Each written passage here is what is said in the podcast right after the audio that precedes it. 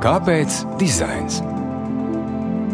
No karotes līdz pilsētvidai.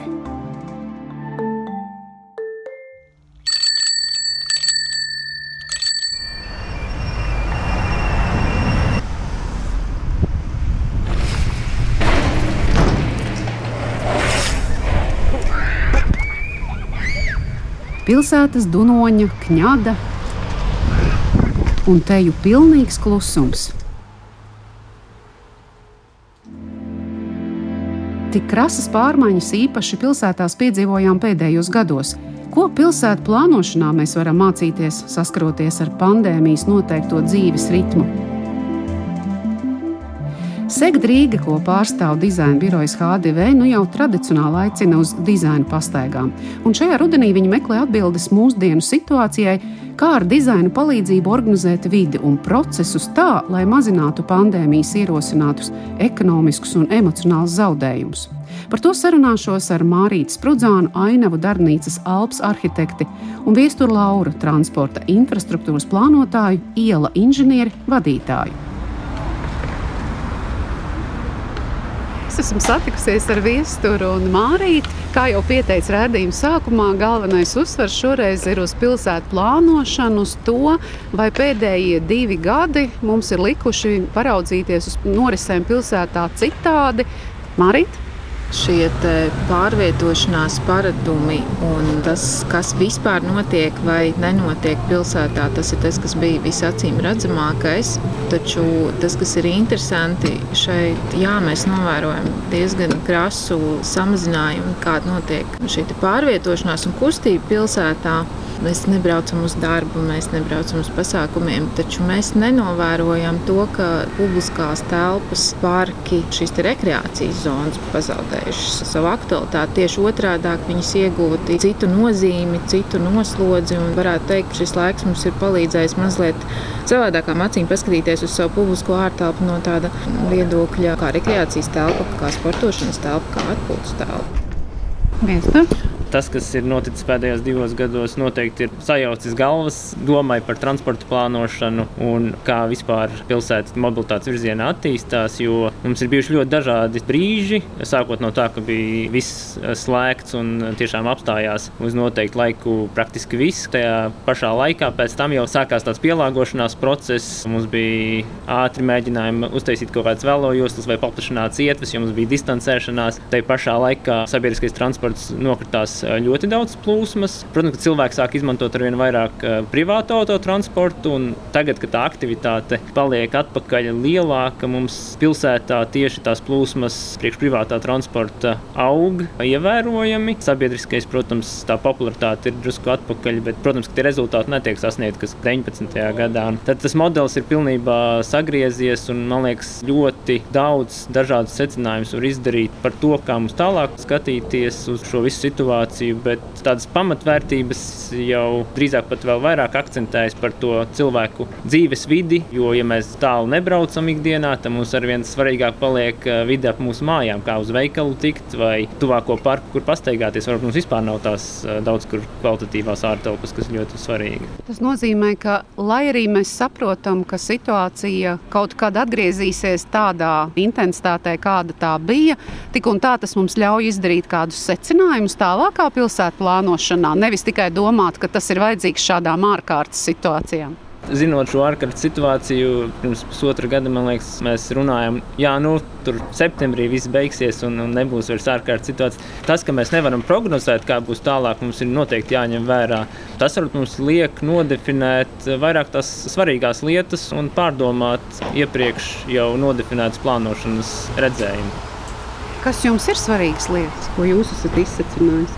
Manā skatījumā Svarīgākais ir tiešām virzīties pilsētā pēc iespējas plašākām iespējām cilvēkiem pārvietoties. Es vairāk runāju par to, ka ir dažādi transporta veidi. Protams, ka lielā politika iet uz priekšu, nodefinējot dzelzceļu kā mugurkaulu. Mums pilsētā jāinticē dzelzceļš un kopumā jādomā, ko darīt ar to svārstu migrāciju starp Pierīgu un Rīgu. Tas bija arī pirms pandēmijas, bet līdz ar tām lietām mēs tomēr ņemam šos faktorus līdz sev, ka var nākties saskarties ar brīdi, tas pats vilciens būs kaut cik ierobežots. Tad uh, noteikti efektīvāk ir uh, iet virzienā lai mums mazāk vai mazāk attālumi ir jāmēro ikdienā. Man šeit ir interesanti tādi salīdzinājumi. Daudz cilvēki šobrīd saka, ka nē, nē, tikai ne vēl viena mājasēde, ne tikai ne attālināto darbu vai attālinātās mācības. Šī ieraušanās sevi, laika pavadīšana ar sevi un ar savu ģimeni un savā vidē daudziem ir bijusi biedējoša. Un tad ir atkāpjoties no tāda varbūt filozofiskā un, un psiholoģiskā momenta, ir jāsaprot, ka tas visticamāk arī ir šī diskomforta avots, ir arī tas, ka mēs savu tuvāko apkārtni apkārtni, tuvāko telpu, esam ieraudzījuši drusku savādāk, un mēs esam bijuši spiesti paskatīties uz tām lietām, kuras nenāk mums par labu, kuras nav mums eh, laba, patīkama dzīves vide, kurā mēs eh, gribam atrasties. Un, teiksim, šeit varbūt ir jāizmanto šis mirklis, lai nebāztu galvas miltīs, lai neteikt, nē, nē, es gribu atpakaļ uz viss normāli un viss kā bija, bet paskatīties, kas tad ir tas diskomforts mūsu tuvējā vidē, tuvējā apkārtnē. Ja? Ko tad darīt? Tad, kad es esmu atvērusi aizkarus, ieraudzījusi, kur es dzīvoju, sapratusi, jā, kaut kas te nav kārtībā. Ko tālāk darīt ar šo informāciju? Kur doties? Tagad arī Rīgas attīstības programma ir nākamajiem gadiem izstrādāta. Šobrīd tā vēl līdz 8. oktobrim ir publiskā apspriešanā. Ikvienam ir iespēja iziet cauri, iepazīties. Jūs varbūt esat redzējuši noteikti tās sadaļas, kas eh, interesē jūs kā katru profesionāli, vai jūs redzat, ka kaut kādas lietas no tā, kuras mēs kā esam izdarījuši, kā secinājumi, tur būtu iekļautas, vai tas ir bijis pārāk ātri plānotājiem? Varbūt mums drusku, drusku ir pietrūkusi drosme Šie visi dokumenti, dokumentu izstrādes process ir tāds smagnējs un lēns, un uh, liela daļa šīs informācijas, kas tur ir iekļauta, ir tapusi pirms šiem acis atverošajiem diviem gadiem. Līdz ar to es teiktu, ka mums šeit darētu lielāka drosme uh, uzstādīt uh, augstākus mērķus, jo ir jāsaprot, viena lieta, ka mēs nevaram atgriezties atpakaļ nekādā veidā, tur, kur mēs esam bijuši, no ļoti daudziem aspektiem. Gan tāpēc, ka cerams, būsim mācījušies kaut ko no eh, šīs pandēmijas situācijas kā darbojās mūsu ekonomika, kā darbojās mūsu sabiedrība, gan arī skatoties uz visām klimata pārmaiņām. Latvijā mēs esam šeit diezgan relaksēti, es pat teiktu, jo mēs esam audzēti tādā kā dieva ausī, paslēpušies. Mums nav bijušas tūmā tādas nozīmīgas katastrofas, kur ir lieli infrastruktūras zaudējumi, cilvēku zaudējumi, diemžēl. Un faktiski tas, ko mums vajadzētu paskatīties arī šādu attīstības programmu ietveros, ir pieredze no citām valstīm. Tas, ko viņi šobrīd saka, ka lielākais spēks varbūt un lielākais tāds instruments, kā mēs varam teiksim, pasargāt sevi no šādām situācijām, ir patiesībā elastība un eh, spēja eh, sabiedrībā reaģēt, spēja reaģēt ar dažādiem veidiem, nu, kaut vai ātri mainīt savus paradumus un šī sabiedrības saliedētība, sabiedrības noturība šādās situācijās. Tāpēc es teiktu, ka tie mērķi par 3% palielināt eh, velobraucēju skaitu par 5% samazināt mašīnu skaitu pilsētā. Nu, tas ir man šķiet. Tas nav elastīgi. Tas nav elastīgi, un tas ir par maz. Mums vajadzētu uzstādīt tos mērķus lielākus, nevis tādus, kurus mēs pilnīgi noteikti izpildīsim, pat neko nedarot, bet saprast, ka ir drusku lielāki manevri jādara. Viestur? Man jau liekas, ka tas jautājums par to, kā virzīties tālāk un kas ir ar jauniem plānošanas dokumentiem. Es redzu, ka Rīgā mēs strādājam ļoti daudz pie pārmaiņām Rīgā tuvākajos desmit gados, ne tikai plānošanā, bet vispār kas tiks būvēts un tā. Tad tā iespēja vai sapratne par to, ka ir jāmaina vai paradumi, vai jāsaprot, kur tu dzīvo un kā tu dzīvo. Mans skatījums tāds, ka ļoti grūti nāks tādām izmaiņām sagatavoties, un diezgan agresīvi mēs uztveram to, ka mums ir jāmainās. Un līdz ar to mēs kopumā esam diezgan stagnējoši šajos uzskatos un pārmaiņas uztveram pārsvarā kā pāri darījumu, nevis uz efektīvāku vai labāku virzošu procesu. Kāpēc dizains?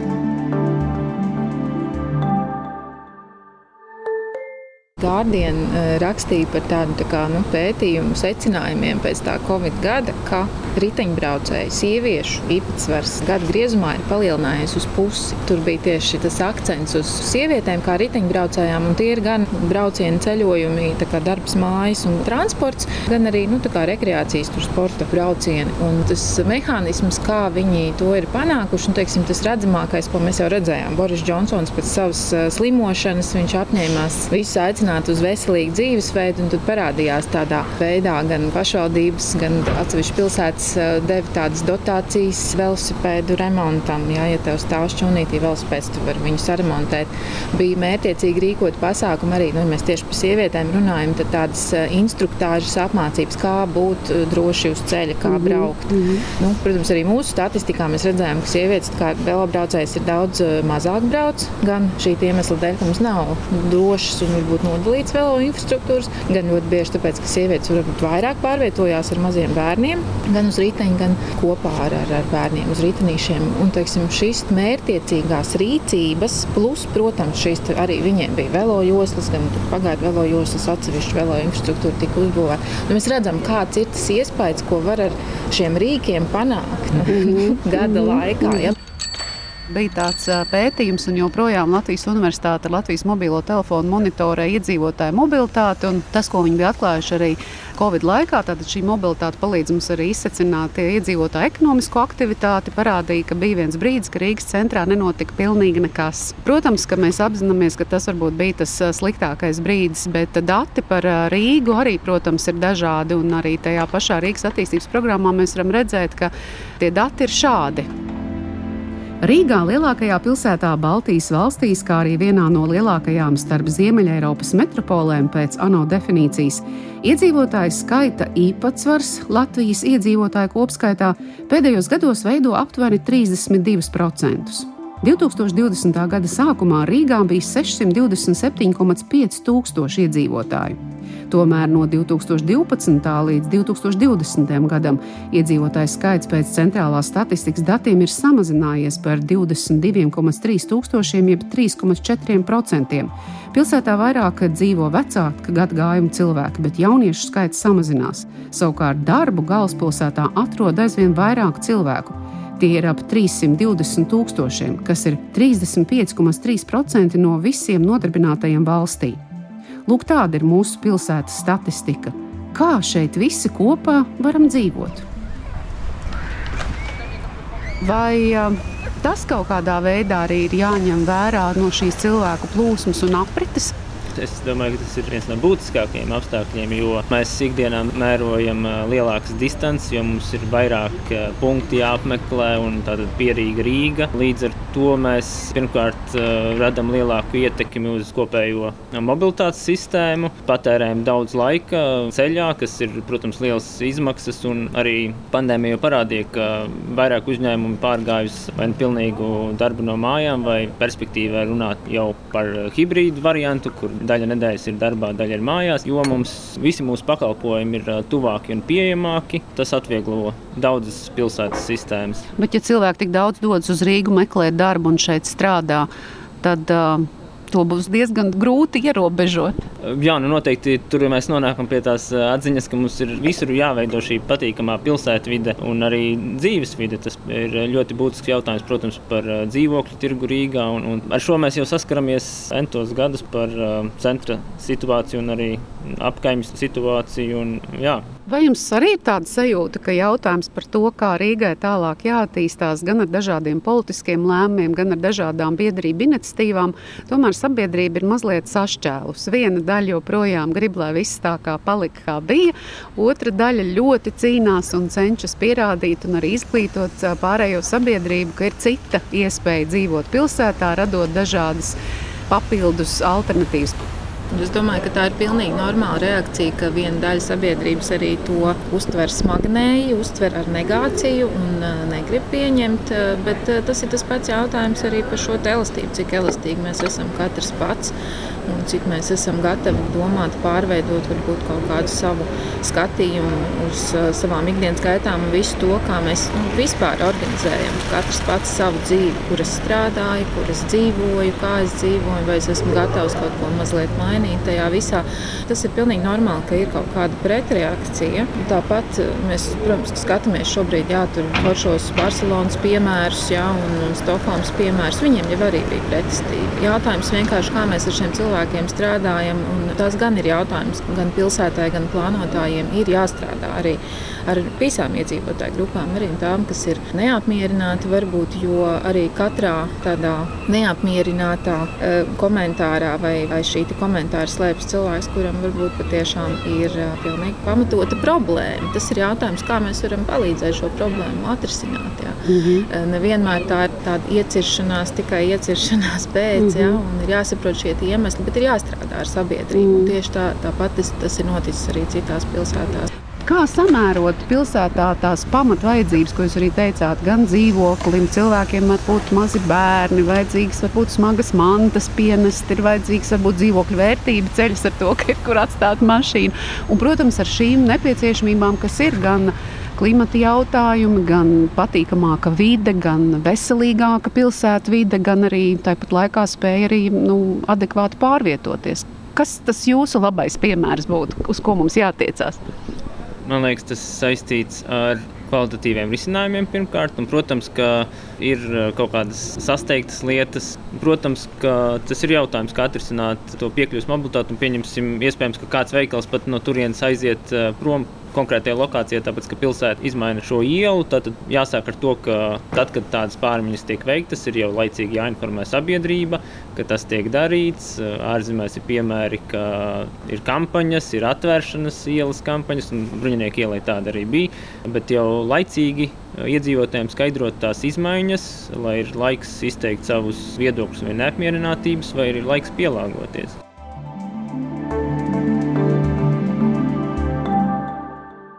Man šķiet, ka šeit ir diezgan grūti atrast tādu burvju tabletīti, it sevišķi, ja mēs runājam par vēsturisko pilsētu, par vēsturisko mm -hmm. centru, kur ir šis pilsētas audums, kas ir tapis vispār pilnīgi citā gadsimtā uz pilnīgi citiem noteikumiem. Un tagad mums ir nu, zinām, liela daļa šīs struktūras jārespektē un jāsaglabā. Un pa vidu ir bijis vēl kaut kāds cits posms, kurā ir pilnīgi citas pārvietošanās paradumi, prioritātes un, un organizācija. Un tagad mēs sākam vēl jaunu posmu, vēl savādāk. Ir skaidrs, ka tā situācija absolūti nav vienkārša, absolūti nav standarta risinājuma, absolūti nav tāda viena maģiskā sābetes, mm. ko mēs pateiksim, ka mēs izdarīsim tā un, un, un viss būs labi un viss būs laimīgi.